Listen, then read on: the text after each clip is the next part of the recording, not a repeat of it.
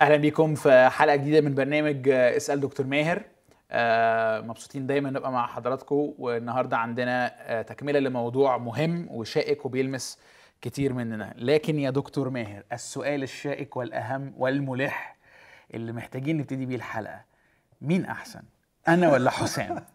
ده آخر سؤال توقعته وأصعب سؤال ممكن أجاوبه وأنتوا بتكملوا بعض. أنا بهزر يا دكتور. يعني حسام أحسن طبعا أنا عارف أنا عارف يعني. آه آه يعني بعيدا عن الهزار. آه أنا اتفرجت على الحلقة وانبسطت قوي وحسيت إنه اتعلمت يعني حاجات جديدة. من أول مفهوم ال ال القصة الجامعة أو الناراتيف أو الثيودراما اللي حضرتك اتكلمت عنها. وبعدين لما اتكلمت عن إنه المال زي ما هو يعني بركة لكنه أيضا ثقل وحمل.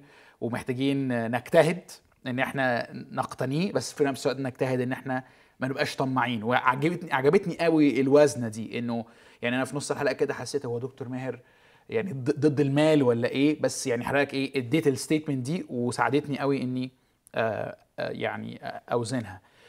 النهارده هنكمل في نفس الموضوع وعايز أعمل حاجتين. الحاجة الأولى يعني إذا حضرتك توافق طبعا يعني. شور أوكي. الحاجة الأولى نفسي.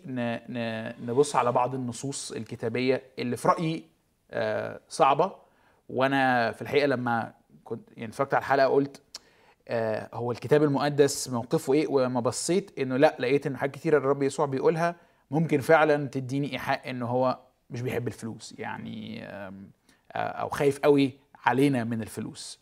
فأحب نناقش بعض ال- النصوص الكتابية. بس كمان الجزء التاني اللي في الحلقة أنا عايز شوية أسئلة عملية خليني أقول إيه فيما يختص بالطبقة المتوسطة. يعني حسيت الحلقة اللي فاتت آه، خاطبت نوعين من الناس. آه، اللي عايش في العشة وحاسس إنه مظلوم لأنه ما عندوش فلوس وحضرتك عزيته وشرحت له إنه الفلوس مش هي المفتاح للسعادة. وفي نفس الوقت حضرتك كتير خاطبت الناس ال- في القصور اللي رغم إن عندهم في عينين الكثير كل شيء لكن بيناموا وع- ودموعهم على خدهم زي ما حضرتك عبرت بأكتر من طريقة. لكن أنا بقى عندي يعني الأسئلة اللي هي ليها علاقة بالناس اللي في النص اللي هي ولا غنية قوي ولا فقيرة قوي. الناس اللي بتفكر في التحويش وبتفكر في مستقبل أولادها وبتفكر في إنها عايزة تعيش حياة مريحة مش حياة فيها بذخ لكن في نفس الوقت حياة مش تعبانة. آه، آه، نشتري ونستثمر ونحوش إزاي؟ طب ندي إزاي؟ طب آه، نحط فلوسنا في البنك ولا ما نحطش؟ يعني عارف الأسئلة العملية دي فنفسي ناخد وقت إن إحنا آه، نعمل كده. تحب تبتدي بإيه؟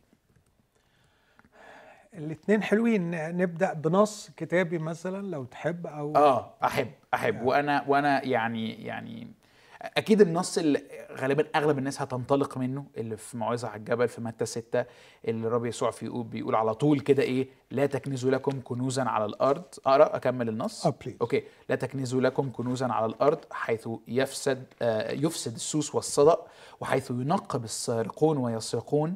بل اكنزوا لكم كنوزا في السماء حيث لا يفسد سوس ولا صدأ وحيث لا ينقب سارقون ولا يسرقون. لأنه حيث يكون كنزك هناك يكون قلبك أيضا. معرفش بقى الحتة اللي بعدها ليها علاقة ولا لأ اللي هي بتاعت سراج الجسد هو العين. فإن كانت عينك بسيطة فجسدك كله يكون نيرا. وإن كانت عينك شريرة فجسدك كله يكون مظلما. فإن كان النور الذي فيك ظلام فالظلام كم يكون كم يكون؟ أنا طول عمري كنت آخد الحتة دي كانها عن الشهوة بس حسيتها محطوطة ما بين حاجتين بيتكلموا عن الفلوس لأنه بعدين بيقول لا يقدر أحد أن يخدم سيدان آه، سيدين لأنه إما أن يبغض الواحد ويحب الآخر أو يلازم الواحد ويحتقر الآخر لا تقدرون أن تخدموا الله والمال. ما تحوشوش. ده اللي أنا ده اللي أنا يعني أول انطباع بيجي لي من النص ده. ما تحوش ما ما ما تفكرش في بكرة آه، يعني فكر فيما هو روحي فقط. طيب يعني أنا اولا آه، عايز أقول لك لو حابب تحوش حوش يعني. ميرسي. يا ريت صدقني يا دكتور. يا ريت نقدر. بس يعني عايز أقول آه، مش القضية هنا التحويش يعني خالص. فخلينا كده نبص بصة على ال- يعني هحط إطار سريع جدا. هنا الملك يتكلم الملك يسوع. والملك مشغول قوي قوي بنوعية رعايا الملكوت.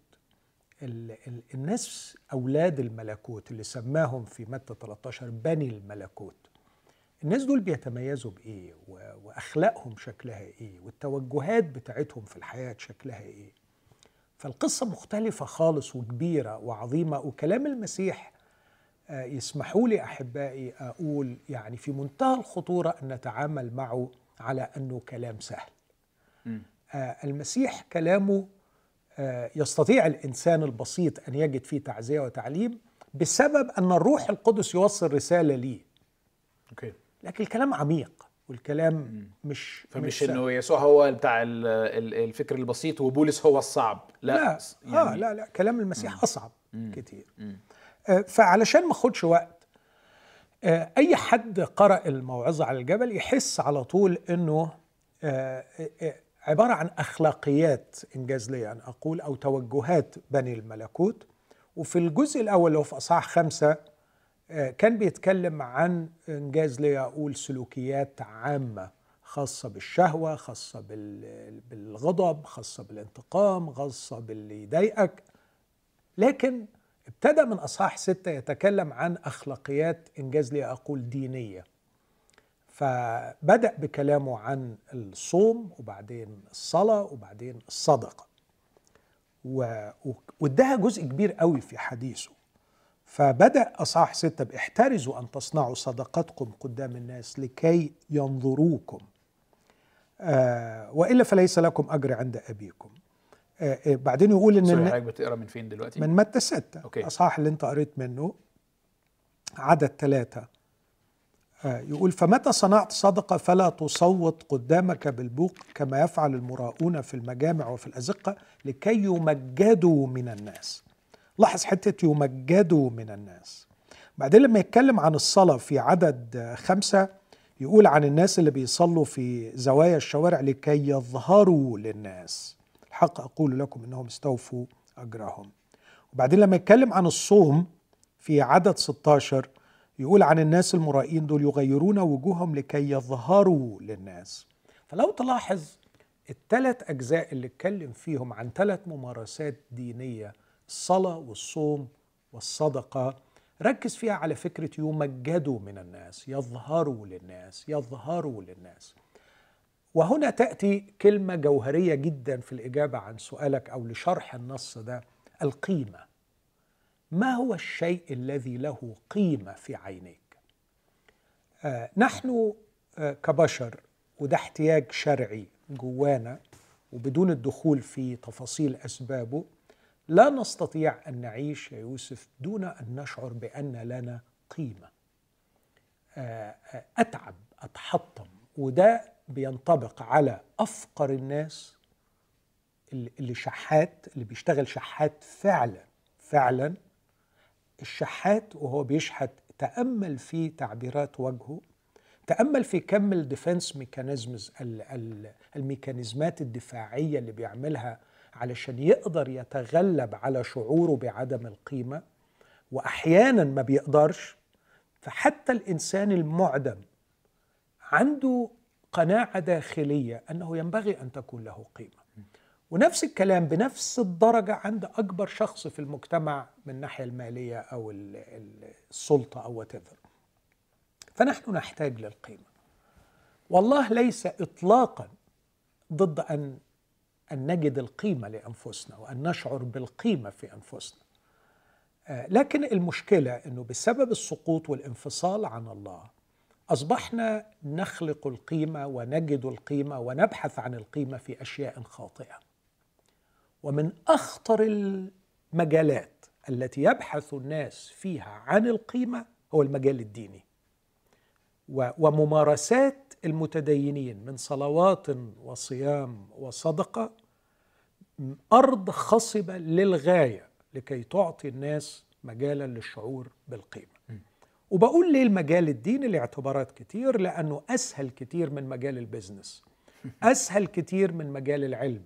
فالعالم لكي يحقق لنفسه قيمة في المجال العلمي ويحصل على جائزة نوبل عليه أن يكافح بشكل مخيف وقد لا يحصل عليها لكن أن تتقدم في المجتمع الديني لتصل إلى الصفوف الأولى الأمر مش مكلف الأمر بسيط جدا. آه، يعني كنت أعلق هذا التعليق آه، زمان على آه، شخص بسيط كنت بحبه وبعطف عليه بيكنس الشارع. وبعدين وفر ثمن موس الحلاقة فأطلق لحيته فتحول فجأة إلى الشيخ فلان وأصبح يعامل من الشارع كله على إنه الشيخ فلان. فالمجال الديني بكنائسه ومساجده وبكل الممارسات الدينية آه، مجالا خصبا أو مجال خصب للغاية آه، يبحث فيه البشر عن الشعور بالقيمة. أوكي؟ والأخطر كمان إنه بيعطي سلطة. فلما بتكون متدين مش بس بيبقى عندك قيمة لكن بيبقى عندك سلطة إنك تفتي عندك سلطة إنك تتعالى على الآخرين عندك سلطة إنك آه، يعني تحكم على الآخرين. وفجأة بعد أن أنهى المسيح حديثه عن هذا الأمر فجأة يتكلم عن مسألة الكنز. فالنقلة دي أنا ما أقدرش أفوتها ما أقدرش أخدها ببساطة. يعني لما بيأكد بثلاث يعني أقول رؤى قوية عميقة للثلاث ممارسات الدينية الضخمة. وفي كل واحدة منها يقول خلي بالك الناس دي بتدور على مجد الناس الناس دي بتدور على إنها تظهر للناس الناس دي آه، ما بتشتغلش في الخفاء ده في العلن الناس الناس الناس دي. فجأة يقول لا تكنزوا لكم كنوزا على الأرض. ما أقدرش أفصل الاثنين عن بعض. ما أقدرش أشوف ان قضية الكنز مختلفة عن كده. فبالنسبة لي وبالنسبة للدارسين اللي درسوا مسألة الكنز هنا ما هو الشيء الذي تجد فيه القيمة؟ ما هو الشيء الذي تجد فيه القيمة؟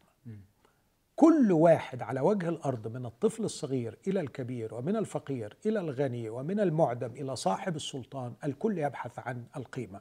آه، السؤال مش إنك ما تدورش على القيمة لكن ما هو الشيء الذي تجد فيه القيمة؟ تحت هذا العنوان value قيمة أو بيسموها بلغة علم النفس والفلسفة المنظومة القيمية أو القيمية. آه، آه، مش الأخلاق لكن ما هو ما هي الأشياء التي لها قيمة في عينك؟ ال value ال value بالظبط كده. وقال النص ده اللي أنت سألت فيه اللي هو اكنزوا لكم كنوزا في السماء حيث لا يفسد السوس والصدأ حيث ينقب آه، لا تكنزوا لكم كنوز حيث يفسد السوس حيث ينقب السارقون. اكنزوا لكم كنوزا في السماء إلى آخر هذا الكلام. وبعدين يقول لأنه حيث يكون كنزك هناك يكون قلبك أيضا. هناك يكون قلبك أيضا. قلبك هنا بمعنى اهتمامك وسعيك وبحثك. أنت لن تبذل مجهود وتجد نفسك منجذبا إلى شيء آه، لا, يم... لا لن يعطيك قيمة. فقيمك هي التي ستحدد بحثك. قيمك في الحياة ما له قيمة في الحياة. برضو تاني مش قيمك يعني أخلاقك. لكن آه، ما ما هو له قيمة في عينيك هو اللي هتلاقي روحك تلقائيا أنت متجه ناحيته. أوكي. فإذا كانت القيمة من خلال القصر هيبقى كل سعيك جمع المال. إذا كانت القيمة من خلال المجد الديني هيكون سعيك كله من خلال الصلاة والصوم. إذا كانت القيمة في عينيك هي جسمك هتبص تلاقي كل اتجاهك رايح ناحية شكلك آه، خصوصا عند المرأة. آه، مرات أحس أنه المرأة تقضي معظم عمرها وطاقتها وإنفاقها لأنه ترسخ في ذهنها أن القيمة العظمى للمرأة هي في شكلها أو في جسدها. فحيث يكون كنزها هناك سيكون قلبها. مجهودها واهتمامها وبحثها سيتجه تلقائيا إلى ما يعطيها القيمة أو ما يعطيه القيمة. okay. فحيث يكون كنزك هناك يكون قلبك أيضا. مكمل المسيح كلامه بقى بشكل بديع وينقل على قضية تانية مرتبطة بيها. يقول سراج الجسد هو العين. سراج الجسد هو العين. أنت تتحرك بجسدك في مكان مظلم لكن ما يجعلك لا تصطدم وما يجعلك تصل سليما وتحقق غرضك هو أنك أوقدت سراجا أوقدت نورا. آه، النور ده هو عينك عينك هي اللي محركة الجسد بتاعك. فأنت لا تستطيع أن تتحرك بدون رؤية. فلو كانت عينك بسيطة هنا تقدر تترجمها على مسؤوليتي healthy عين سليمة. okay. وعين شريرة مش شريرة بمعنى يعني بيحسد ولا ولا نجس ولا بيشتهي لكن unhealthy عكسها. يعني عين سليمة وعين مريضة. أوكي. إذا كانت عينك سليمة جسدك كله سيكون نيرا بمعنى أنك ستتحرك في النور. ماشي. النور يسقط عليك في كل مكان فأنت ترى كل شيء وتعرف الأبعاد وتعرف ما الذي ينبغي أن تفعله وما الذي لا ينبغي أن تفعله لكن إذا كانت العين شريرة جسدك كله سيكون مظلما أي أنك ستتحرك في الظلام. فانظر انظر إن كانت إن كان النور الذي فيك ظلاما فالظلام كم يكون. إذا كانت العين التي ترى بها عين مريضة و و و وتقودك إلى مزيد من الظلمة الظلمة ستكون ثقيلة للغاية. إيه اللي يقصده هنا في العين؟ أنا أعتقد أنه يتكلم عن الورلد فيو. يتكلم عن المنظومة مش القيمية لكن المنظومة الفكرية. فأنت عندما تتجه في الحياة تتجه إلى ما له قيمة. لكن هنا هيجي السؤال وما الذي حدد هذه القيمة؟ ما الذي جعل هذا الشيء له قيمة؟ وخصوصا إنك لما تروح مجتمعات مختلفة تلاقي حاجات مختلفة تلاقي حاجات قيمة عظيمة. بالظبط فمثلا إحنا هنا السمعه مثلا سمعة البنت مثلا دي أعظم قيمة في المجتمع الشرقي في القرى في أماكن مختلفة آه، من من الريف والمناطق البسيطة. آه، لكن مثلا لما تروح أمريكا مش دي مش مش فكرة السمعة دي هي دي الحريه الحرية مثلا. فما الذي يحدد القيم؟ العين الرؤية الرؤية. كنت أدرس كتير ال worldview ده موضوع بالنسبة لي شيق للغاية في الدفاعيات. وكنت دايما معتاد إني أقرأ أن ال worldview أو النظرة إلى العالم اللي هي أحيانا أسميها التركيبة العقلية التي من خلالها تقرأ كنت أقرأ دايما ال- ال- ال- الفلاسفة واللاهوتيين المسيحيين يقولوا عنها العدسة التي من خلالها تقرأ الواقع. لكن الحقيقة لما قريت لجي بي مورلاند رفض فكرة العدسة و و وكان بيتكلم عن ال worldview وقال إنها العين. لأنه الطريقة اللي أنت بتفكر بيها وبترى بيها الأشياء مش مجرد عدسة متركبة لك. دي هي العين اللي أنت بتشوف بيها. لأنه كلمة عدسة حاجة فوق العين. فال worldview مش حاجة فوق حاجة ده هي العين اللي أنت okay. بتشوف بيها. فأنا عاجبني أكتر تعريف جي بي تعريف جي بي مورلاند إنها العين اللي أنت بتقرأ بيها الحياة. وهنا أرى أن المسيح سبق الجميع وهو يشير إلى انه ما سيحدد قيمك في حياتك هي المنظومة العقائدية التي كونت لك فلسفتك أو فكرك الذي به تقرأ الحياة. مم. القيم وال- والمنظومة ال- أو النظرة إلى العالم ال worldview هذا سيتمخض عن lifestyle عن نمط حياة. ف value و worldview هيتمخض يعني ينتج. lifestyle آه. yeah. آه. okay هينتج lifestyle هينتج نمط حياة. نمط الحياة بقى إن هيحدد أنت هتعيش لمين هتخدم مين. هتخدم الله ولا هتخدم المال؟ المال؟ إما أنك تستعمل المال تستخدم المال وتخدم الله أو تحاول أن تستخدم الله وتخدم المال.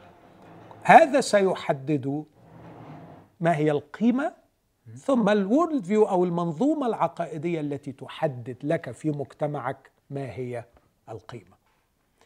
إذا حطيت الثلاثه دول جنب بعض أقدر هنا أناقش قضية المال.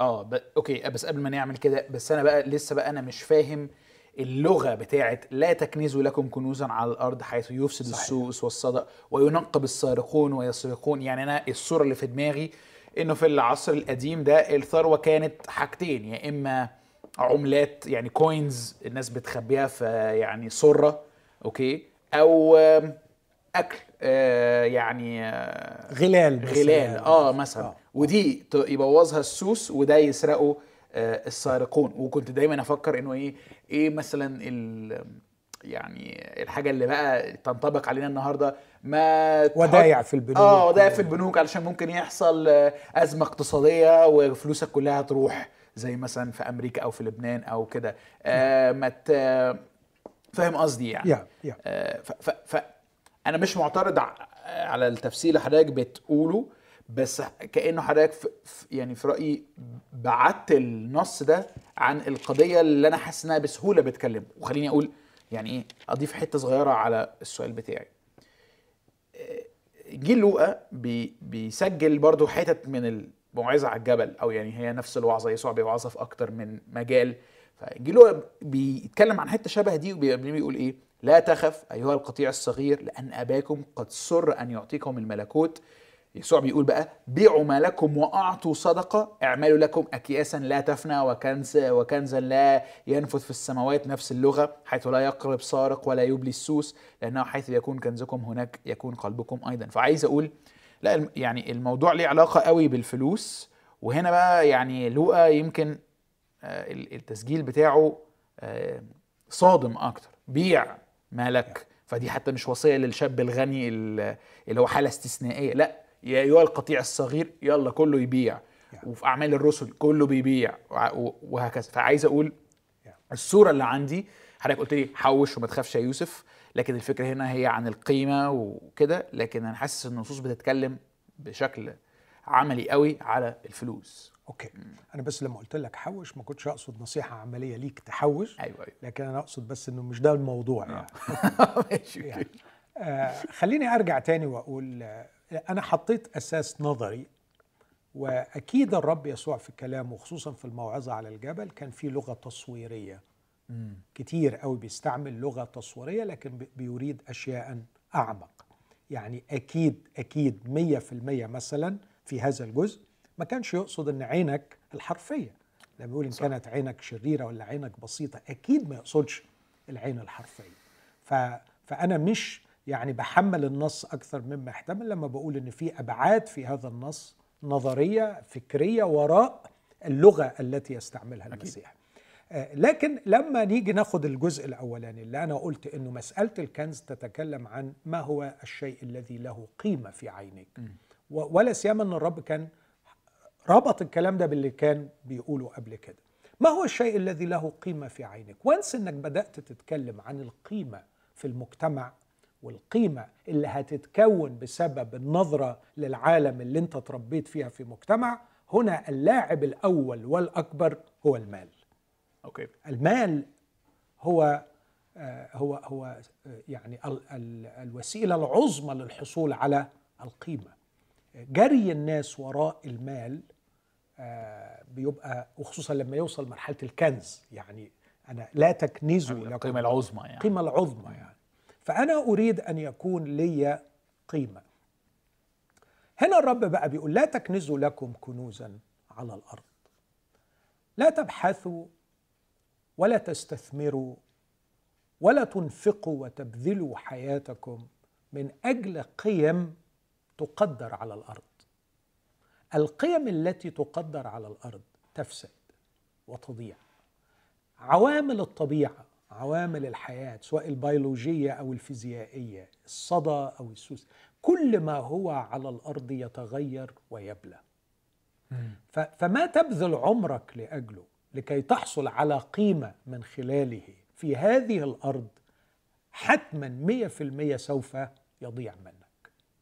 إذا أردت قيمة في عيني الناس بسبب المال فأنت معرض للضياع لأن المال من الممكن أن يضيع. والقيمة التي بنيتها على امتلاكك المال وعلى شراء ما يمكن شراؤه بالمال هذه القيمة مهددة باستمرار. وبما أن قيمتك مهددة فأنت نفسك في حالة انزعاج وخوف طول الوقت. لكن استثمر فيما له قيمة حقيقية. اكنزوا لكم كنوزا في السماء. وهنا أسأل ما هي الكنوز التي في السماء. أرى أنه في منتهى برضو أو مش في منتهى يعني من الخطأ آه، اختزال فكرة كنوز السماء إلى مجرد أنك تدي الغلابة يعني تدي الفقراء. آه، القضية مش أنك تدي الفقراء لأنه من الممكن أنك تعطي كل أموالك وده قاله بولس حتى إن أطعمت كل أموالي وليس لي محبة فلا أنتفع شيئا. فمن الممكن أن وده اللي بنشوفه في المجتمع يعني أحيانا بتعامل مع بعض الأشخاص اللي لهم أسماء جبارة في العمل الخيري. بس تشوف الشخصية من جوه يعني غلبان غلبان فعلا. أصبح العمل الخيري جزء من الإيجو بناء الإيجو. صح. آه، وبناء الذات. وأصبح مهدد بشكل رهيب. إذا في حد عمل عمل خيري أكبر منه ولا أنفق أكثر منه بيدخل في صغر نفس وبيدخل في صراعات شديدة. فالقضية مش قضية إنك تعمل الخير لكن القضية أن تكنز لك كنزا في السماء بمعنى أن تكون الأشياء التي لها قيمة في السماء يعني بعيدة عن دائرة التغيير والتحلل والضياع. فتكون شخصيتك في النهاية هادئة ثابتة آمنة لأن منظومتك القيمية مرتبطة لا بأشياء تفنى لا بأشياء تتغير. لكن بقيم ثابتة وكبيرة. ومن وجهة نظري الحاجتين المرتبطين بالسماء اللي هيفضلوا ليهم قيمة أبدية ومش هيتغيروا ابدا لا سوس يقرب ولا سارقون هم حاجتين الشخصية وملكوت الله. كل ما تستثمره في شخصيتك كابن للملكوت وتطوره فتصبح شبه يسوع ده قيمة ثابتة عظمى وباقية. كل قالب بتحطه فيها هيفضل موجود إلى أبد الآبدين.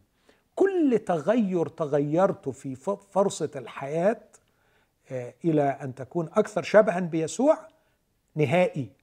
مش مش ما, ما, ما يحصلوش undoing مش هترجع فيه ولا هيضيع وسيظل إلى أبد الآبدين. ونفس الكلام كل ما بنيته في ملكوت الله. فعن قريب سيأتي الحجر المقطوع بغير يدين. وينهي كل المنظومة اللي في العالم ويصير حجرا كبيرا يملأ الدنيا كلها مملكة الله سوف تقوم. فكل من اشترك في بناء ملكوت الله هنا هذا البناء ثابت وسيبقى. ملكوت الله اللي انت شايفه دلوقتي بيتعمل آه، بالسر بصورة سرية هيجي يوم وهيبقى علني. آه، وعندما يستعلن ملكوت الله ستجد حجرا يعني هناك مكتوبا عليه اسمك لأنك أنت وضعت هذا الحجر في ملكوت الله. فالأمرين دول من وجهة نظري ينبغي ينبغي أن يكونا القيمة العظمى التي ننفق آه، نفسنا بحثا وراءها أن نبني في شخصياتنا لتكون شبه يسوع وأن نبني في ملكوت الله لأن هم دول الكنوز اللي باقي كنز يعني هي دي القيم اللي مش هتتغير. أي قيم أخرى يبليها الصدأ ويفسدها السوس. أوكي يعني طب قبل برضو ما ننقل على الأسئلة العملية يعني أكمل مع حضرتك في نفس ال... في نفس طريقة التفكير. هل مثلا قول الرب يسوع إنه دخول جمل من ثقب إبرة أيسر من دخول غني ملكوت السماوات بيربط مع حضرتك بتقوله ده؟ إنه الغني ما ي... مش هيشوف احتياج إنه يستثمر في نفسه ويستثمر في ملكوت الله لأنه بيقدر يمشي حاله بطريقة تانية؟ يعني إيه يمشي حاله؟ بيقدر يلاقي القيمة السطحية السهلة بشكل تاني. هو يقدر يجيب عربية فاخرة. وأول ما يركب العربية الفاخرة خلاص بتبدأ الناس تقول له مبروك وتسقف له وتكلمه وبتاع وتهنيه على العربية الفظيعة وهو يحب يستعرض. فهو وجد القيمة في الامتلاك. فطالما إنه يجد استوفى أجره يعني. استوفى. آه, آه okay. آه. okay. عارف okay. لما إبراهيم يقول للغني في مثل لعازر أيوه. والغني أيوه.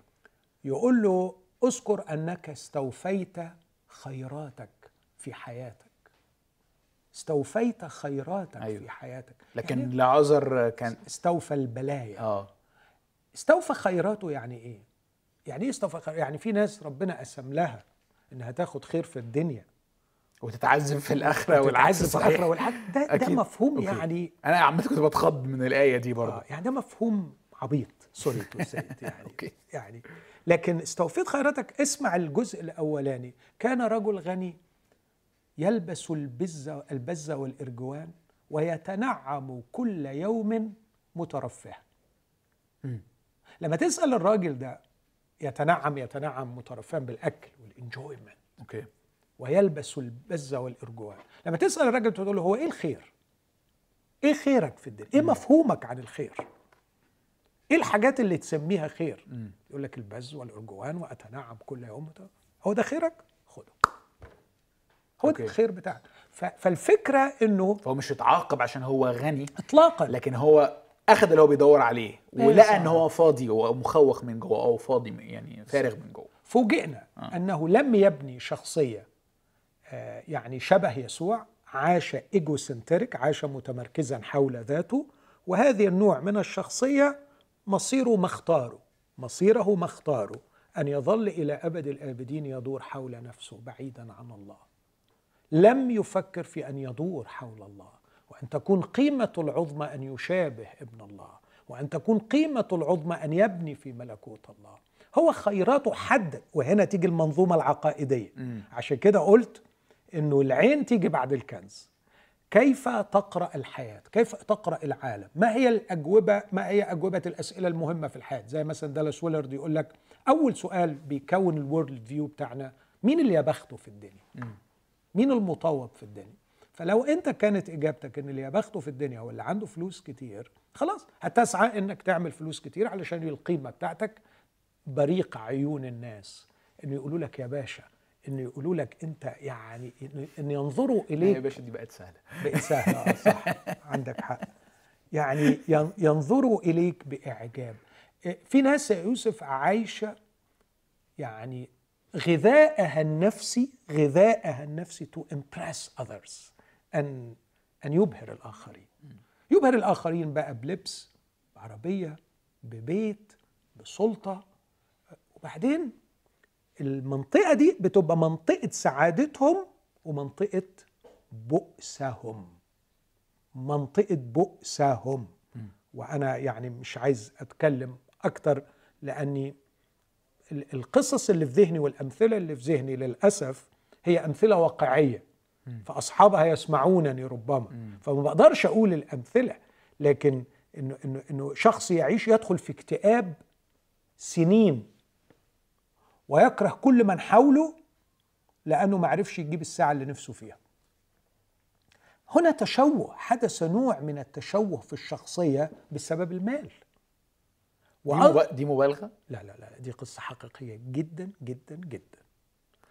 بس أنت ما تقدرش تفهم لانك ما عشتش الكلام ده. وما اتمنالكش تعيش. عارف بعض ال... أنا أشرت الكل- للكلام ده مع حسام الحلقة اللي فاتت إن في مرض بيسمى affluenza. أولاد الأغنياء أحيانا بيحدث تشوه في كيانهم الداخلي وأنا زمان كنت بدور على حاجة زي كده عايز أتعلم لأن كنت بشوف ده في الواقع. يعني مثلا ما نسميه ال frustration tolerance واحدة من أهم سمات الشخصية المحترمة الناضجة القوية. ما هي قدرتك على تحمل الإحباط؟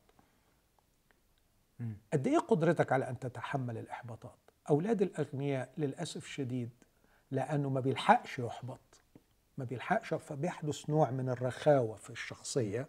ما يقدرش يتحمل الإحباط عضله عمره ما استخدمها. عضل عمره ما استخدمها. ما اتعلمش إزاي يحبط وبالتالي يواجه هذا الإحباط. ال resilience ضعيف للغاية المتانة في الشخصية ضعيفه أحيانا بيبقى ال sympathy مع الآخرين البرايد الافتخار والكبرياء. أحيانا بتحدث تشوهات مرعبة. طبعا مش كلهم. مش كلهم. أيوه طبعا. آه. لكن اللي بتفتقده نعمة الله بيتغير. فالخلاصة اللي عايز أقولها في هذا الجزء إنه آه الكنز هنا هو اللي, اللي أنت شايف بلغة عامية بسيطه اللي أنت شايف إنه هيدي لك قيمة في الحياة. آه غير مفهومك ده تعليم المسيح. ما تخليش اللي يدي لك قيمة هي الأشياء الفانية. لكن خلي اللي يدي لك قيمة في الحياة انت انت هتدور على القيمة هتدور عليها. فإحنا مش هنختلف. ما يصحش إن المؤمن يكون يبحث عن القيمة. لا لازم ندور على الكرامة والمجد. الكتاب بيقول كده في رومية 2 الذين يطلبون المجد والكرامة والبقاء يكافئهم الله بالحياة الأبدية. فنحن نريد الخلود ونريد المجد ونريد الكرامة. بس في الحتة الصح. بس في الحتة الصح. والمسيح بيقول لك على فكرة المال مش مش هيدي لك الحاجات دي. okay. لأن ف... القيم اللي بيشتريها المال السوس بيبوظها والصدى بيبوظها. okay. فلو هلخص يعني المال بركة الله يعطيها للناس لكنها خلينا نقول إيه بركة لها مخاطرها الكتيرة. الخطر الأساسي إنها تستبدل آه ال يعني إنها تاخد مكان مش مكانها ويبحث الناس بها وفيها عن القيمة العظمى ف, ف, ف عايز أقول إيه؟ فتاخد انتباههم وتركيزهم من المكان والشخص اللي بيدي القيمة الحقيقية.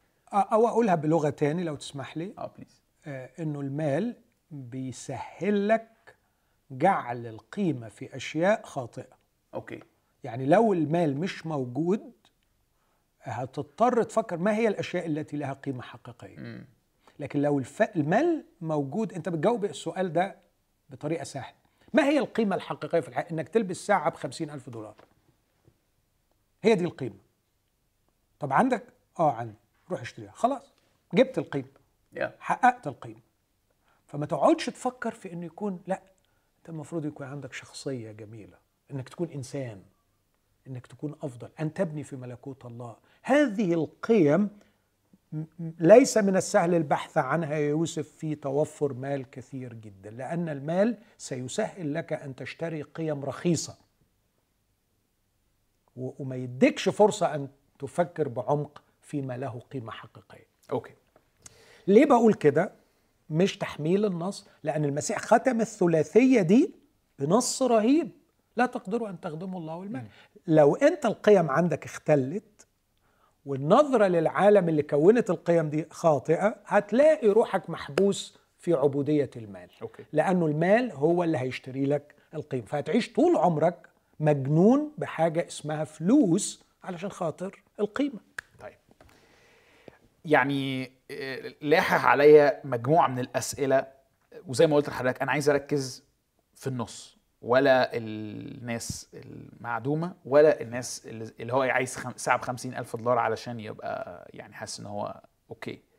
أنا عايز أتكلم على شاب زي يعني عندي طموح في الحياة إني أنجح إني أبقى مستريح. مش عايز أبقى مرفه وتافه وكده لا لا لا. يعني أنا مدرك الخطر اللي حضرتك بتكلم عنه.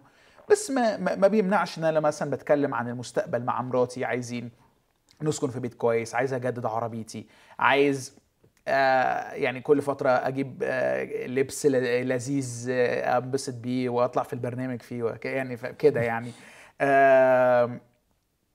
هل الطموح آه مش إن أنا أبقى ثري لكن إن أنا أبقى مستريح؟ ده شيء خاطئ. هل ده معناه إن أنا كده بقى بدور على قيمتي في الأشياء ولا ولا يعني إيه الاستخدام الصح بقى للمال والطريقة الصح اللي أفكر بيها في المال للناس ال...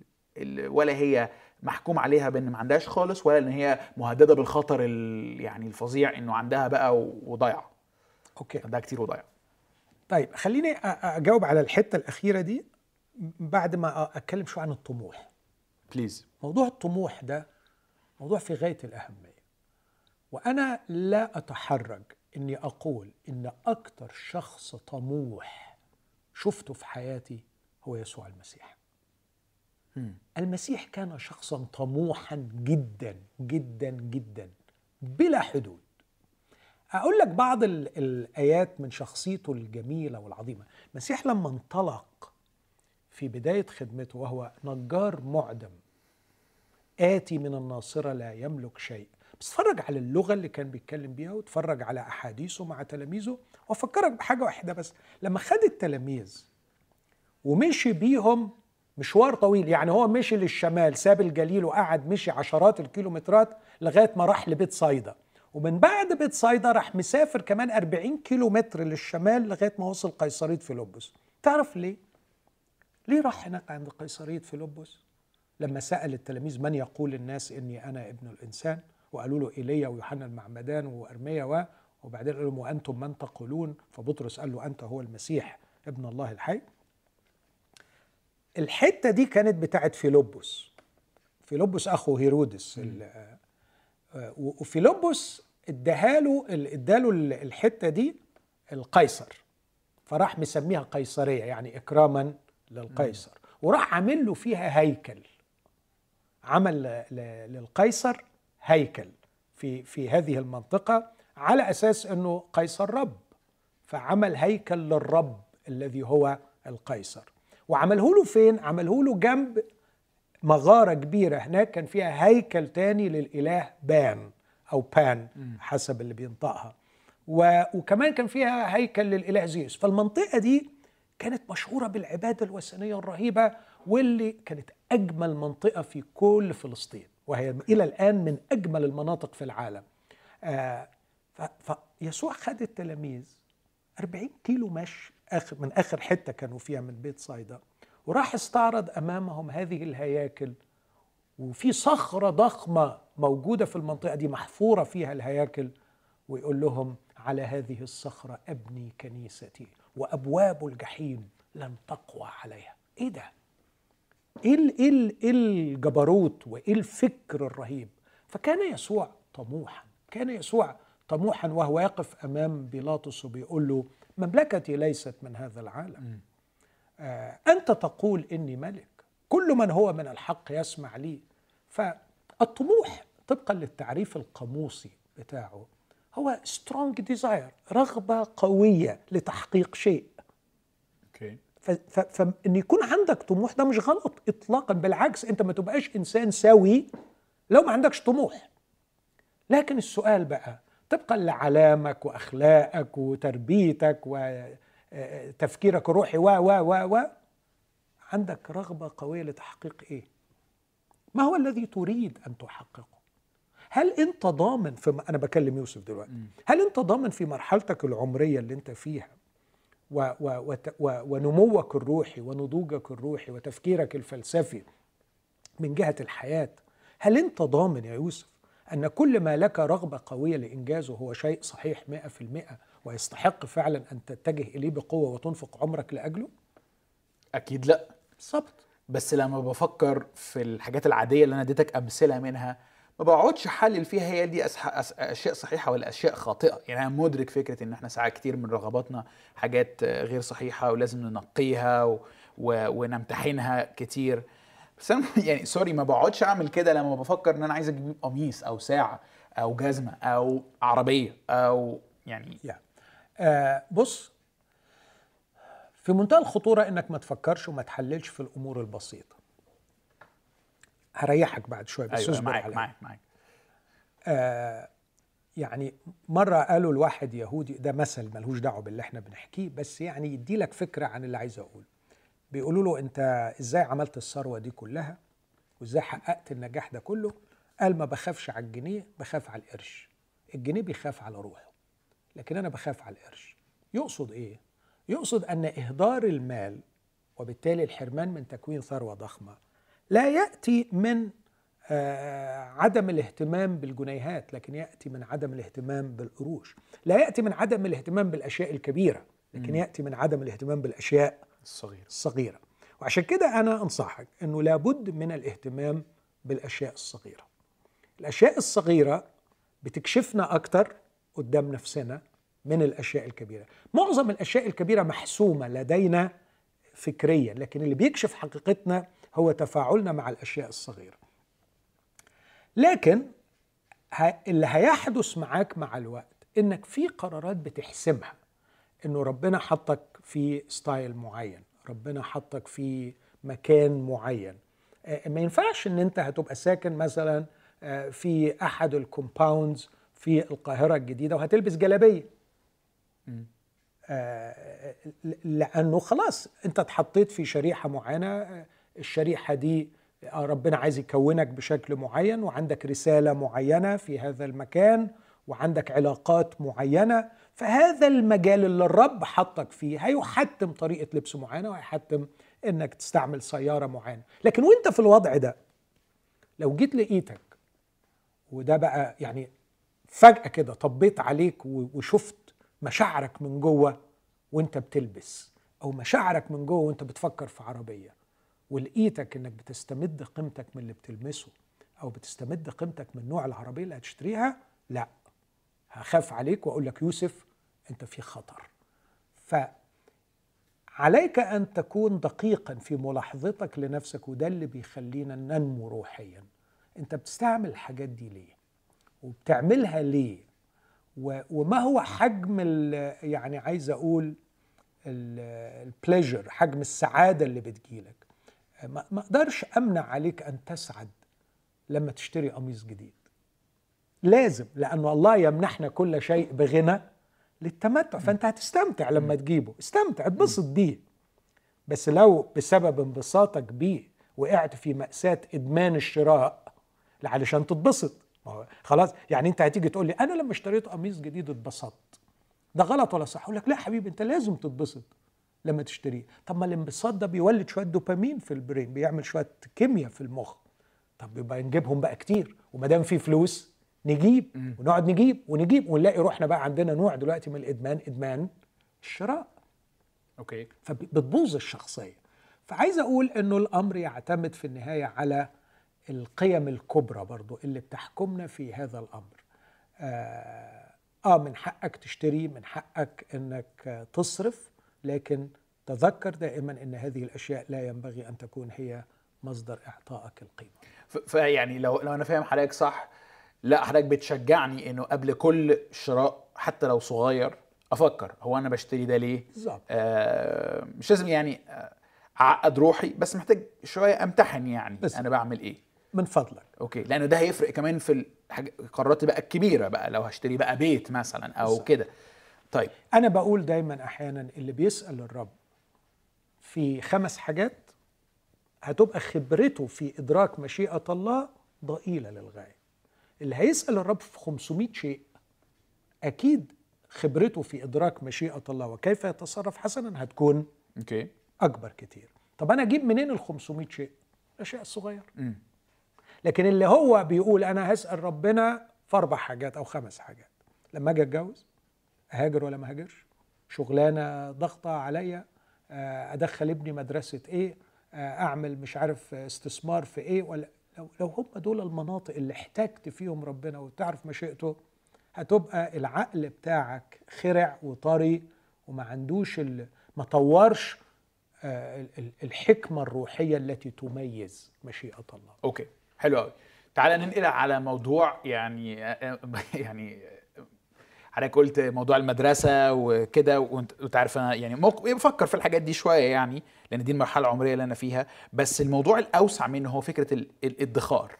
إن إحنا نحوش للمستقبل نحوش لأولادنا و- ورغم إنه يسوع بيقول لا تهتموا بما للغد آه، يعني هل في ادخار جيد وادخار خاطئ؟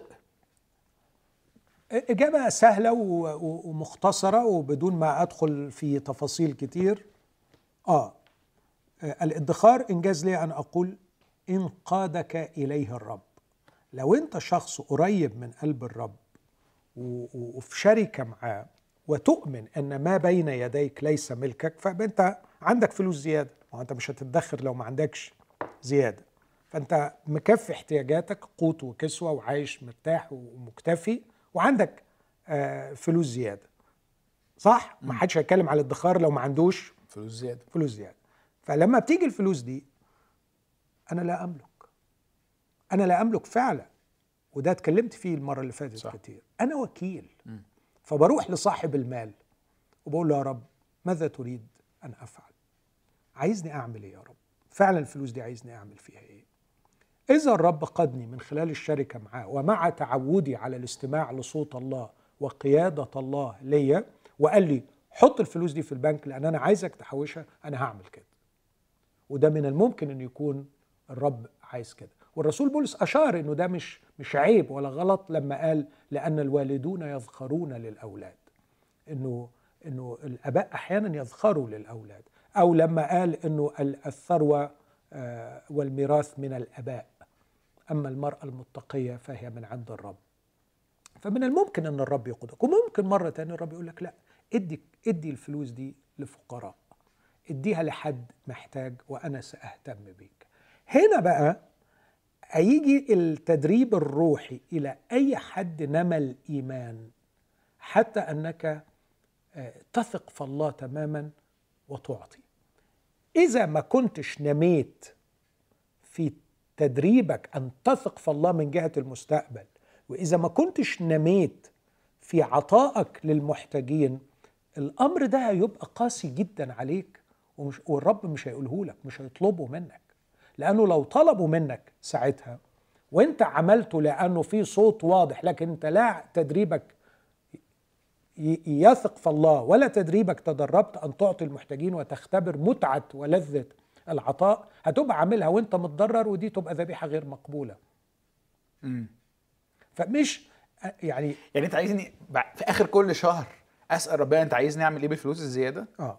أحوشها ولا أديها؟ يس آه يعني, يعني أنا من كلام حضرتك اولموست كأني حاسس إنه العادي إنك تديها أحيانا ربنا هيقول لك تحطها في البنك. ده اللي أنا حاسه من اللي حضرتك بتقول. لا صدقني ما قصدتش كده لكن أنا اللي أقصده فعلا إنه آه، إنه من الممكن إن الرب يقول لك حوش. ممكن الرب يقول لك حوش. خد بالك أنا بحب أقول عبارة برضو تاني عشان ما حدش يفهمني غلط. أقول المسيحية مسيحية فكر وليست مسيحية فقه. المسيحية مسيحية فكر وليست مسيحية فقه. يعني الكتاب المقدس يقدم أفكار تشكل العقل المسيحي. يقدم أفكار تشكل العقل المسيحي والعقل المسيحي يقود الشخص بالأوتونومي بحرية أن يتصرف. مش إنه هيديله يعني وصفة آه، مش فقه. على المقاس يعني. مش افعل ولا تفعل يجوز لا يجوز. صح. وده اللي بيخليني أحيانا أتحرك في إجابة الأسئلة لأني أكره وأبغض إني آخد دور مفتي آه. حد بيسأله أعمل إيه في دي وأعمل إيه في دي؟ أنا أنا بكره الحكاية بس هو للأسف أغلب الأسئلة اللي عندي هي من النوع ده. و- وبصراحة الناس خليني بص يا دكتور معلش في الحتة دي. في كل السنين اللي أنا حضرت فيها كنايس في عمري أنا يمكن سمعت وعظة واحدة عن المال. okay؟ آه وفعلا كنت حتى بسمع تيم كيلر من من من, من كام شهر كده عن الموضوع بيقول إنه أقل موضوع آه بنتكلم عليه النهارده رغم إنه من أكتر المواضيع اللي, اللي بيتناولها العهد الجديد لأنه فيها الحرج ده. بتاخد كام بتشتري إيه هتعثر ولا مش هتعثر صح هجيب ولا مش صح محد- محدش بيحب يدخل نفسه في الحتة دي فبيفضلوا كده. وبصراحة الناس ال... مش عايز أقول الناس الغلابة بس يعني بقى الناس اللي زي اللي محتارة أعمل إيه وما أعملش إيه لأ محتاجة سام جايدنس محتاجة نوع من الإرشاد يعني اللي ممكن يبقى سن آه، توصيفي يعني. أنا أنا يعني آه، أتكلم على قد حجمي. أيوه. أنا ليس دوري ولا أدعي هذا ولا أملك ولا أحب أن أعطي يعني توجيهات. لكن أنا خدمتي على قدي بدي أفكار. أيوه. والأفكار دي بسيبها للشخص وأقول للشخص روح بالأفكار دي اللي جاية لك من أخ يمكن أكبر منك سنا أو إنه عندي خبرة شوية في الحياة أو عندي شوية فهم للكتاب. بدي لك الأفكار دي وأنت روح مع مخلصك بقى. أنا مش مخلصك ولا ربك ولا رعيك. رعيك يسوع. روح اتكلم معاه بالأفكار دي وهو يوجهك. لأنه في الآخر التصرفات الصحيحة الخارجة من عقل غير سليم مرفوضة أمام الله. ماشي أنا موافق. آه. فلو أنت أعطيت الفقراء مجبرا مرفوضة. لو أنت أعطيت الفقراء لأنه الدين بيقول كده. مرفوضة مش هيحبها الرب ولا عايزها okay ومش عايزك تشعر بالذنب إذا لم يكن إيمانك قد ارتقى لكي تثق في الله من جهة المستقبل ولا تشعر بالذنب إذا كان تدريبك في العطاء لم يصل أن تعطي ما عندك okay نقف هنا شوية معلش أدي لك بس تأكيد آه. كتابي للحتة آه. دي آه. يعني في مرة صموئيل الرب قال له روح امسح لي داوود ملك. صموئيل قال له لا لا شاول هيقتلني. لو رحت شاول هيقتلني. أروح أمسح ملك والملك موجود. ده ده تيجي إزاي يعني؟ تقول لو الرب عايز يوبخه صمويل أنت يعني أنت بتهرج؟ أنت بتهرج؟ يقتلك؟ على فكرة يعني شاول واللي جابوا شاول دول نسمتهم في إيدي. أنت أنت إزاي بتكلمني كده؟ فين إيمانك؟ الرب ما قالوش كده. الرب قال له طب يا حبيبي أنت خايف إنه يقتلك؟ أنا الرب. أنا الرب اللي بإيدي نسمة حياتك ونسمة حياة شاول. أنا الرب يا صمويل. لكن قال له بص خد ذبيحة واصعد بيها إلى بيت لحم وهيقابلوك الناس هناك. هيقول لك انت رايح تعمل إيه؟ رايح اذبح للرب. واذبح للرب مش بتكذب. اذبح للرب. ولما تعمل الذبيحة هات يسا واولاده وهم بياكلوا. امسح الواد اللي هقول لك عليه.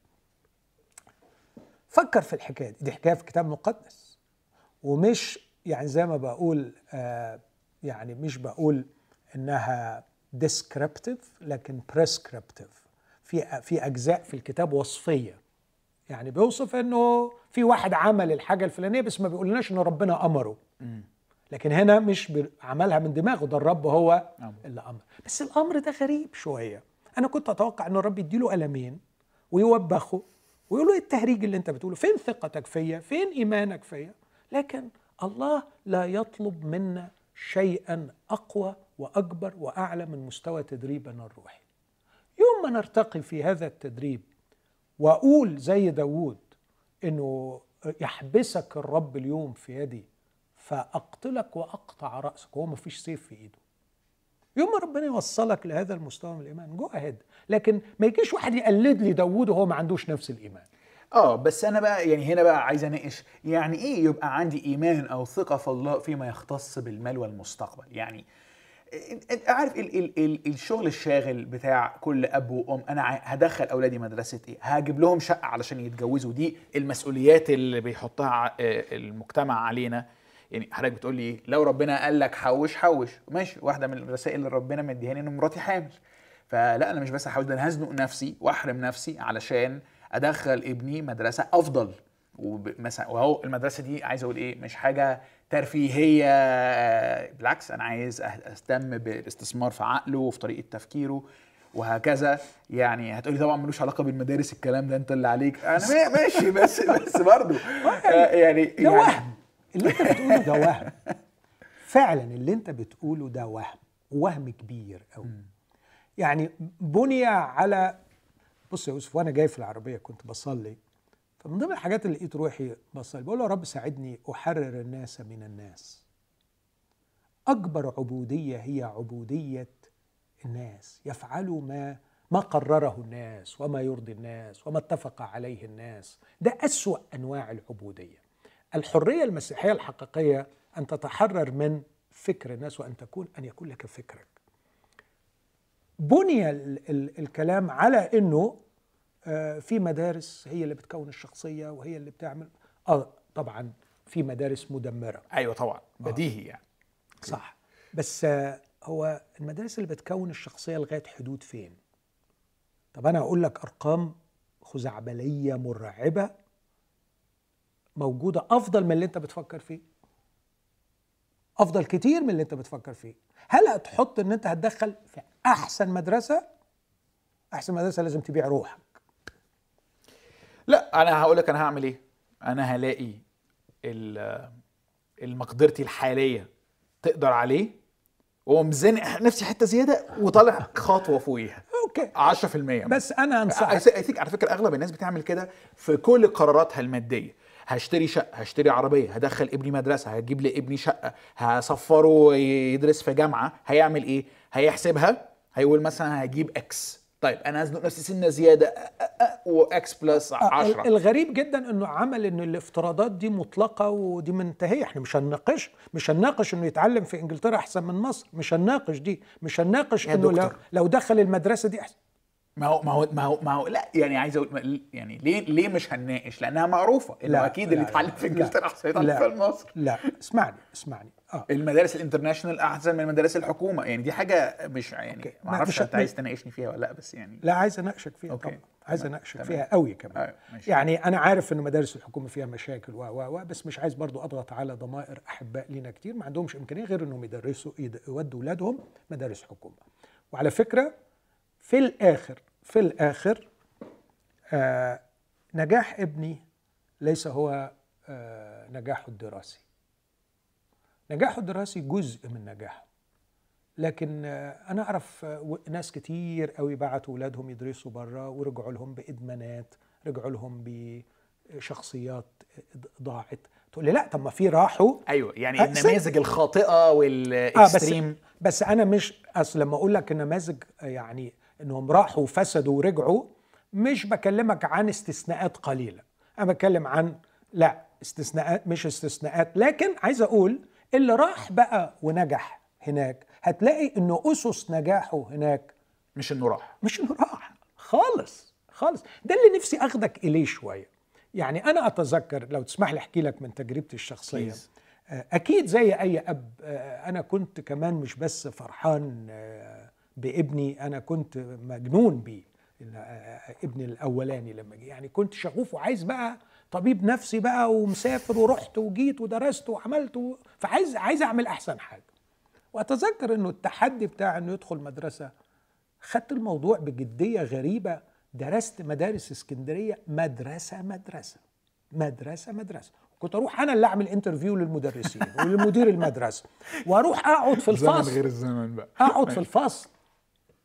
اللي هيقعد فيه الولد علشان أشوف يعني أتذكر مدرسة كان ليها شهرة كبيرة قوي وبعدين بوري لك قد إيه رحت قعدت في الفصل سمعت أصوات بياعين بيعدوا من جنب المدرسة قلت لا مش هدخل فيها. عملت دراسة مثلا ما انساش واحدة مشهورة جدا راحت بتعمل interview لابني وكان عمره يعني خمس سنين ساعتها آه، وبعدين راحت قالت له أنت naughty boy اخدت الواد ومشيت. وما, وما كملتش على ابني ما- naughty. ما كملتش ال interview. يعني عايز أقول بذلت مجهود رهيب. بس أتذكر جيدا في الآخر لما قعدت وصليت وكلمت مع مراتي وفكرت قلت لها أنا مش عايز ابني يبقى في مدرسة كل الوسط اللي حواليه هم أولاد الطبقة العليا في المدرسة.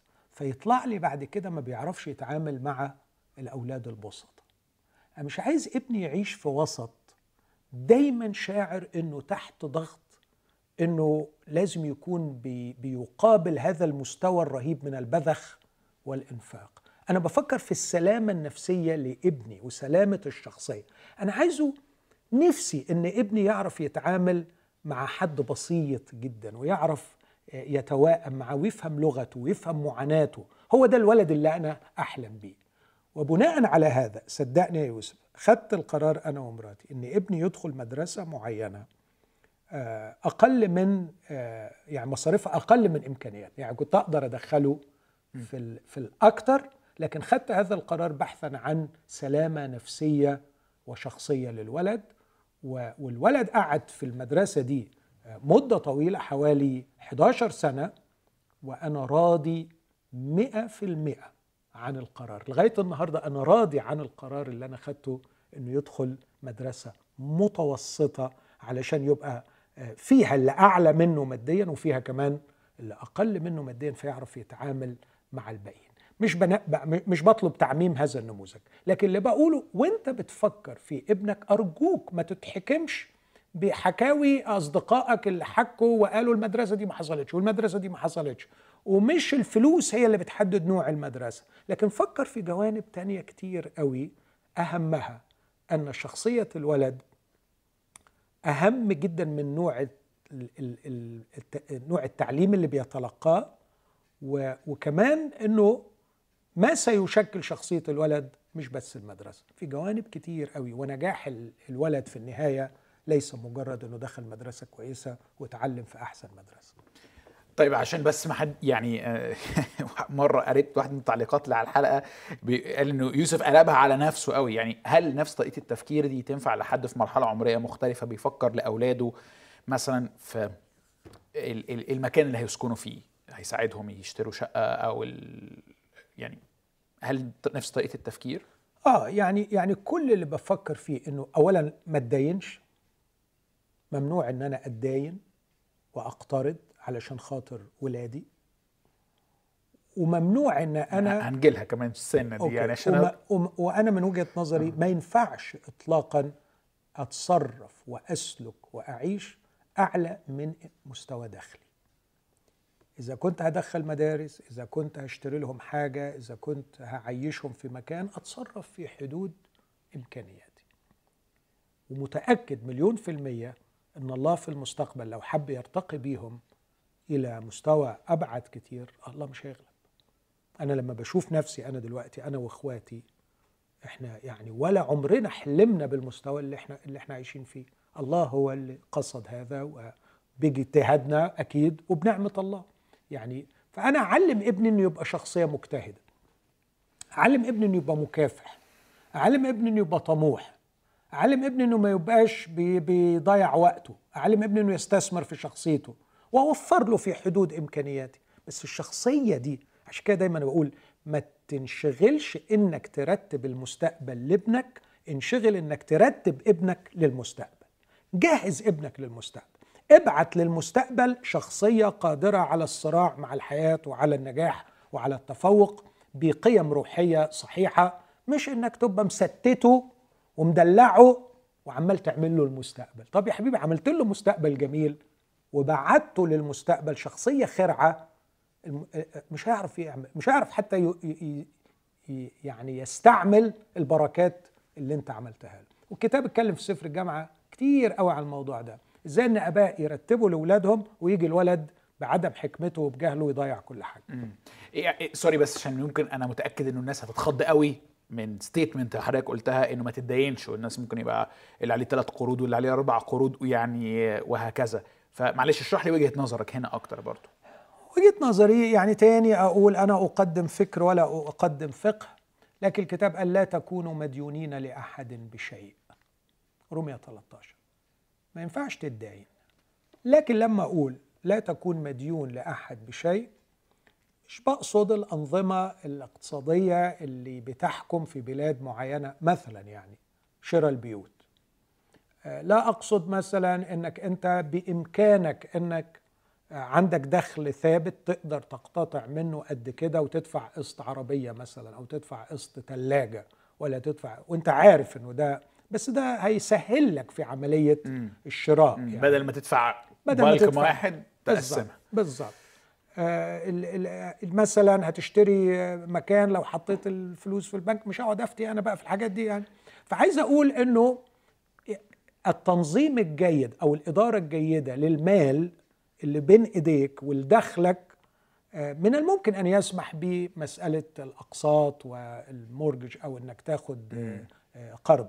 لكن ان تقترض خارج حدود امكانياتك وان تقترض من أجل تحقيق مجرد رغبه معينة آه، أنا أنا أنصح يعني عش فقيرا عش معوزا عش مضغوطا ولا تقترض. وانتظر الرب إنه هو يفك هذه الضيقة لكن احترس من الاقتراض. أوكي. فإن أنا فإن أنا أتداين سواء لشخص أو لبنك علشان أشتري حاجة فوق اللي أنا أقدر أشتريه عشان أزق نفسي في السلم المجتمعي حتة صغيرة ده اللي حضرتك بتنتقد يعني يعني عايز أقول لو دخلي المادي يكفيني إني أقلل من أكلي يعني أو يلزمني إني أقلل من أكلي مش هقترض عشان آكل أكتر لدرجة الأكل. هأقلم نفسي على الوضع اللي الرب سامح لي بيه في الم- في المرحله دي. لا هو الناس أنا أنا بصراحة نادرا لما أعرف حد بيقترض عشان ياكل أحسن بس ممكن مثلا عشان يشتري عشان تشتري شنطة لوي فيتون مثلا أو كده يعني دي عايزه علاج نفسي. طيب. يعني طيب، كده ف- كده هت- هتخليني اغضب آه sorry. على فكرة أنا دي بقى برضه مش قصة يعني مبالغة دي قصة حقيقية. طب أقول لهم يتعالجوا نفسيا. طيب. ماشي يا دكتور. طيب آه، يعني خلينا في آخر عشر دقائق كده آه، أنقل لموضوع أخير. آه، برضو عن العطاء يا. okay هل في نسبة معينة؟ إزاي أقدر أعرف إن أنا بدي بالمقدار الكافي؟ أنا عارف حضرتك الحلقة اللي فاتت قلت لحسام إنه الفقر والغنى ملوش علاقة بالعطاء. أيوه صح أنا فاهم لأنه ممكن حد آه، آه، غني ما يبقاش عنده الأمان إنه يقدر يدي. بس. عايز اجنب ده وعايز أتكلم عمليا.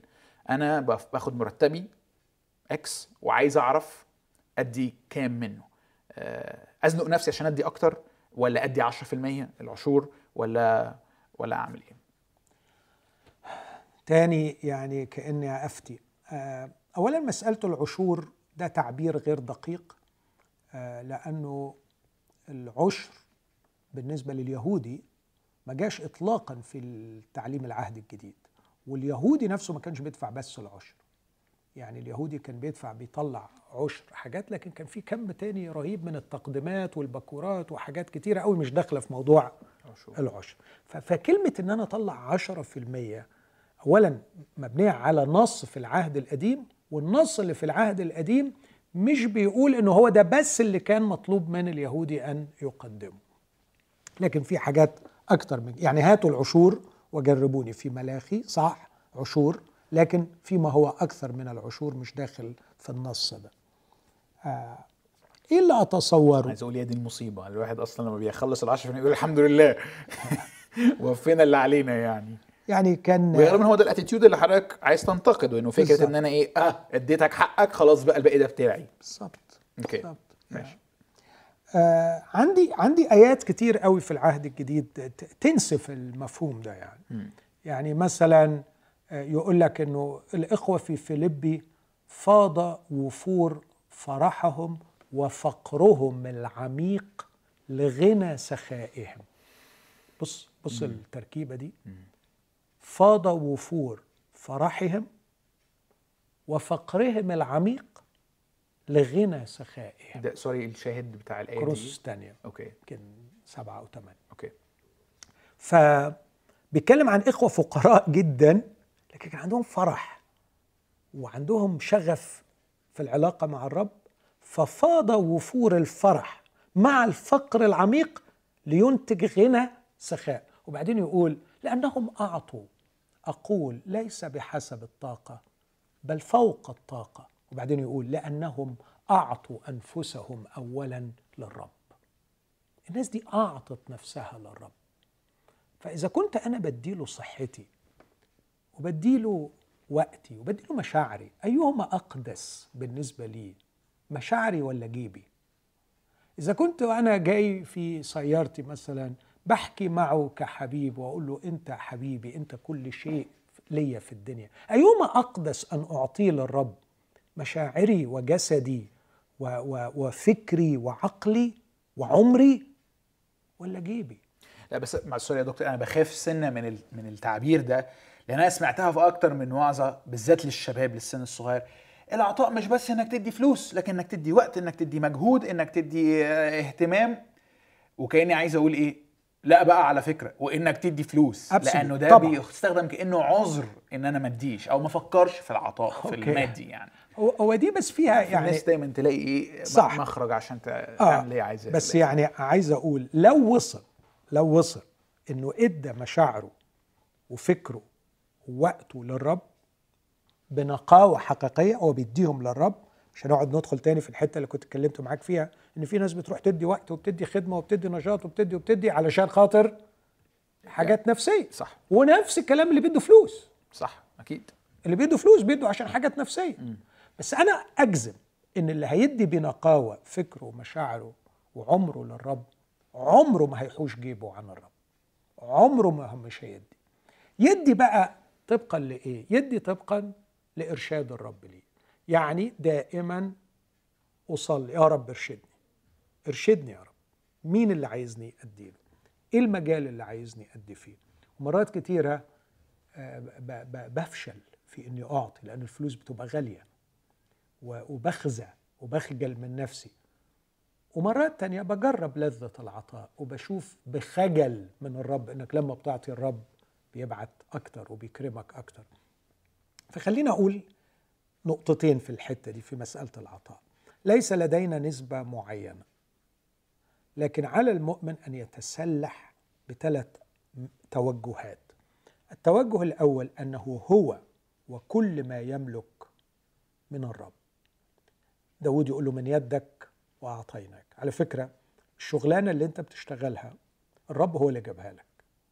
والإنكم اللي بيجي منها الرب هو المصدر فيه. ومن الممكن جدا إنك تلاقي روحك تاني يوم بره وتقعد تتذلل للرب وتقول له ابعت لي شغل. طب ليه دلوقتي أنت ما كنتش فاهم إن اللي كان الشغل موجود من الرب؟ فالرب هو المصدر وأنا وكل ما أملك هو للرب. علي أني أتسلح بالأمر ده. الأمر الثاني علي أن أعرف أن العطاء ذبيحة. لا تنسوا فعل الخير والتوزيع لأنه بذبائح مثل هذه يسر الله. عبرانيين 13 فالعطاء ذبيحة. وبالتالي أقول المال ذبيحة. الفلوس دي ذبيحة. عليك أن تقدمها للرب. لا تحرم نفسك ابدا من نعمة العطاء. اكرم الرب من بكوراتك. أعطي. من من يعطي الفقير يقرض الرب. من يرحم الفقير يقرض الرب. وعن معروفه يجازيه. يعني كأنك بتسلف الرب. بتدي للرب. فأوعى أوعى أوعى الغبا يركبك وتهمل نعمة العطاء. في كل الظروف تستطيع أن تعطي حتى لو كان ما حلتكش حاجة تستطيع أن تعطي. فما تحرمش نفسك من متعة وتدريب وبركة العطاء. اعطي. الأمر الثالث اجعل عطائك متناسب مع حجم إيمانك وثقتك في إلهك من جهة المستقبل وحجم تدريبك. ما تعملش حاجة لمجرد إنك عايز تريح ضميرك out of guilt ولا out of يعني ولا لمدح الناس ومجد الناس. صح. زي ما قال المسيح. طيب عندي عندي يعني كذا فكرة صغيرة عايز أسأل حضرتك عليهم. عارف لما لما ساعات كده يعني ال الناس نشأوا في كنايس إنجيلية يقول لك إحنا ما عندناش مواعيد ومواسم معينة للصوم لأن الصوم أنا. بديه كده في الآخر ما حدش بيصوم فلما حضرتك تقولي أنا ما عنديش نسبة واضحة أو محددة لكن أعطي كما يرشدك الرب ما حدش بيدي أو الناس تدي أقل بكتير من كده فعلى الأقل فكرة وجود نسبة لكثير من الناس اللي هقول إنه تدريبهم الروحي قليل بالعكس ممكن ينتج نوع من العادة أو الهابت للعطاء اللي بعدين نبقى نشوف نطورها إزاي. يعني فاهمني يعني أنا برضو آه، خليني أقول أنا أظن إنه أنا لما أبص على حياتي أنا I think إن أنا بدي قليل. ف ف آه، طب خلاص ما بدي قليل أرجع لل basic أرجع لل, لل... لل... واضح يعني. هدي 10% وأشوف بعدين هعمل إيه. آه بس ال 10% دي لن تسر الرب. يعني أنت هتدي 10% هتسر نفسك وتريح نفسك والحمد لله عملت ال minimum وأنا كده فأنت بتدي out of إنك ترضى عن نفسك. امم ده ملوش دعوة خالص بالذبيحة. okay.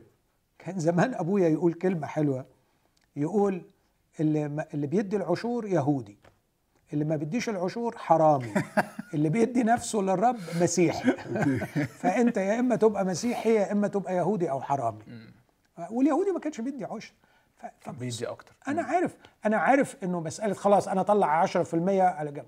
أنا شفت ناس كم الشعور بالرضا عن النفس والبر الذاتي ويبقى معذب مراته ومطلع عينين عياله و بس الحقيقة الراجل يدفع العشور لا يا عم الله غني عن عشورك بس خليك شخصية جميلة رقيقة متشبه بيسوع بتحب وبتعطي العطاء يا يوسف بيغير الشخصية. ما فيش طلب طلبه مننا الرب إلا ومردوده هو علينا إحنا الكسبانين في الآخر. فلما الرب بيقول لي أعطي الفقير مش بيقول لي اعطي الفقير لأن هو محتاج في الفقير مش عارف يديله. لا هو بيقول لي اعطي الفقير عشان أنت تتطور. امم أنت بتتحول في شخصيتك. أوكي. فخد بالك بقى من من قصد الرب إنك تعطي فتتطور في شخصيتك. تتطور في شخصيتك من ناحية إيه؟ من ناحية قراءتك للواقع مين اللي محتاج ومين اللي مش محتاج. آه، تعاطفك مع الشخص وإدراكك يعني هو محتاج فعلا ومحتاج قد إيه. آه، إنك تديله من أعوازك ولا زيادة عندك. كل دي تدريبات روحية جبارة بتغيرك. أوكي. فكر في في ال- في نوع التدريب ده وهيعمل إيه عليك وفكر في واحد داخل بثقة شديدة مستريح الضمير لأنه طلع في المية واداه ومحدش ليه حاجة عندي. صح. يتحول صح. إلى شخصية قاسية لا تحتمل. صح. أنا موافق على دي. بس عارف كأني برضو إيه بطلب نوع من المؤشرات اللي تساعدني إني أعرف أمتحن نفسي. وأنا بدي كفاية ولا لأ؟ يعني خليني أقول لك حاجة حاجتين صغيرين. يعني حاجتين سمع قريتها وسمعتها بي... بيقترحوا وأسمع رأيك فيهم. الأولى من سي إس لويس بيقول إذا أنت عايش على نفس القدرة الشرائية بتاعت الناس اللي عندهم نفس الدخل بتاعك يبقى أنت بتدي قليل. يعني هو كأنه بيحاول يقول إيه أنا فلوسي تعيشني كذا. لو أنا عايش على كذا أبقى أنا بدي قليل. لا أنا لازم أعيش أقل من اللي فلوسي تقدر تعيشني عليه وأدي الباقي بحيث إن أنا كأني أبقى محروم من حاجة ساكرفايسنج مضحي بحاجة. الناس اللي بتاخد نفس مرتبي عارفة تستمتع بيها بس أنا مش عارف أستمتع بيها لأني بدي. فده واحدة من الحاجات واحدة تانية سمعتها من ناس أنا بحبهم قوي في مصر وأثق في رؤيتهم للمال. قالوا إنه بص ابتدي حياتك من تخرج مثلا أول ما يبقى عندك الانكم بتاعك أو المصروف بتاعك ب 10% بس كل لما ال- الدخل بتاعك يزيد ال 10% دي هي كمان تزيد. ليه؟ لأنه بيحاول يقول إنه في بداية حياتك احتياجاتك هتبقى بتستهلك أغلب دخلك.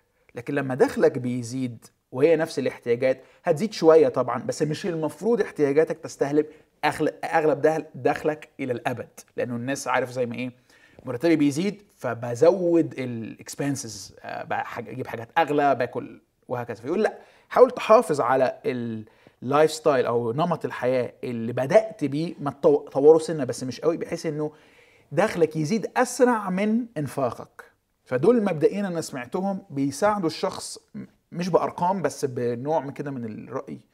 آه، بأدي كفاية ولا لأ؟ رأيي رأيي إن دي حكمة الحالتين دي فيها حكمة روحية تم تطويرها من علاقة الناس مع الرب لكن لا أستطيع أن أعممها كوصايا كتابية. يعني دي حكمة نسترشد بيها حلوة فيك أفكار جيدة لكن ينبغي أن تظل في إطار علاقة شخصية مع الرب وتدريب الشخص.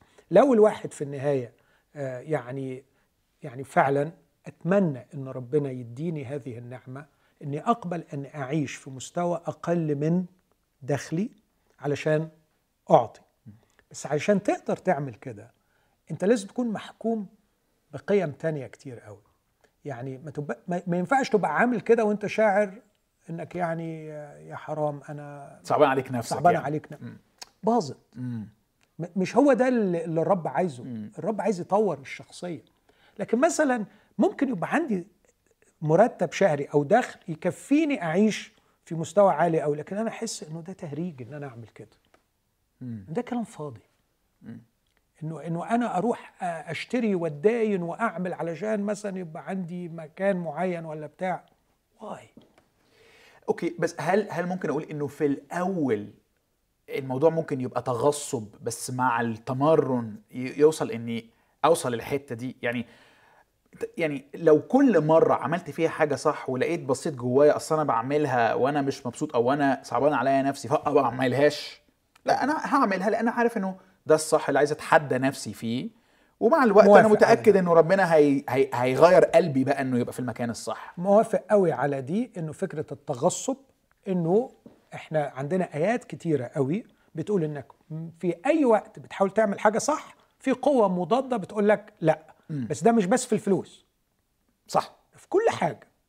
فمسألة التغصب دي هتواجهك إنك لازم يعني تقود نفسك ايفن في فكرك. مش بس في جيبك أنا مش هفكر في الحاجة دي. أنا همشي فكري في في اتجاه صحيح. يعني فكرة إن أنا أغصب نفسي إن أنا أحرم نفسي من متعة معينة إن أنا أحرم نفسي من لذات معينة. حتى أحيانا حاجات مشروعة. مشروع أكيد ما آه بالظبط. حاجات مشروعة. لكن إن وجدت عسل كل كفاياتك لئلا تتخم فتتقيأه. يعني الإفراط في أي شيء. بس أنا نفسي طب لا ما فيش حاجة اسمها نفسي. هدأت وسكت نفسي. هل إني يعني أحجم إنفاقي علشان لا أعثر شخص مثلا حواليا في جسد المسيح ده تفكير صحيح؟ آه 100% آه بس بيعتمد على الموقف والظروف. أنت مش قاعد مع الشخص ده طول الوقت. أنت يعني لكن من الممكن جدا فعلا وأنا أتذكر مواقف آه، يعني است- استذنبت نفسي فيها واتضايقت لأني تصرفت يمكن بطريقة تعثر شخص. في حين أنا مقتنع ان ده مش غلط اللي أنا عملته. لكن علينا إن إحنا نراعي مشاعر الآخرين. أوكي. ميرسي يا دكتور ماهر على الحلقة المفيدة والصعبة. هروح بقى يعني أتناقش مع مراتي هنعمل إيه؟ نشوفكم الحلقة الجاية في الأسبوع الجاي.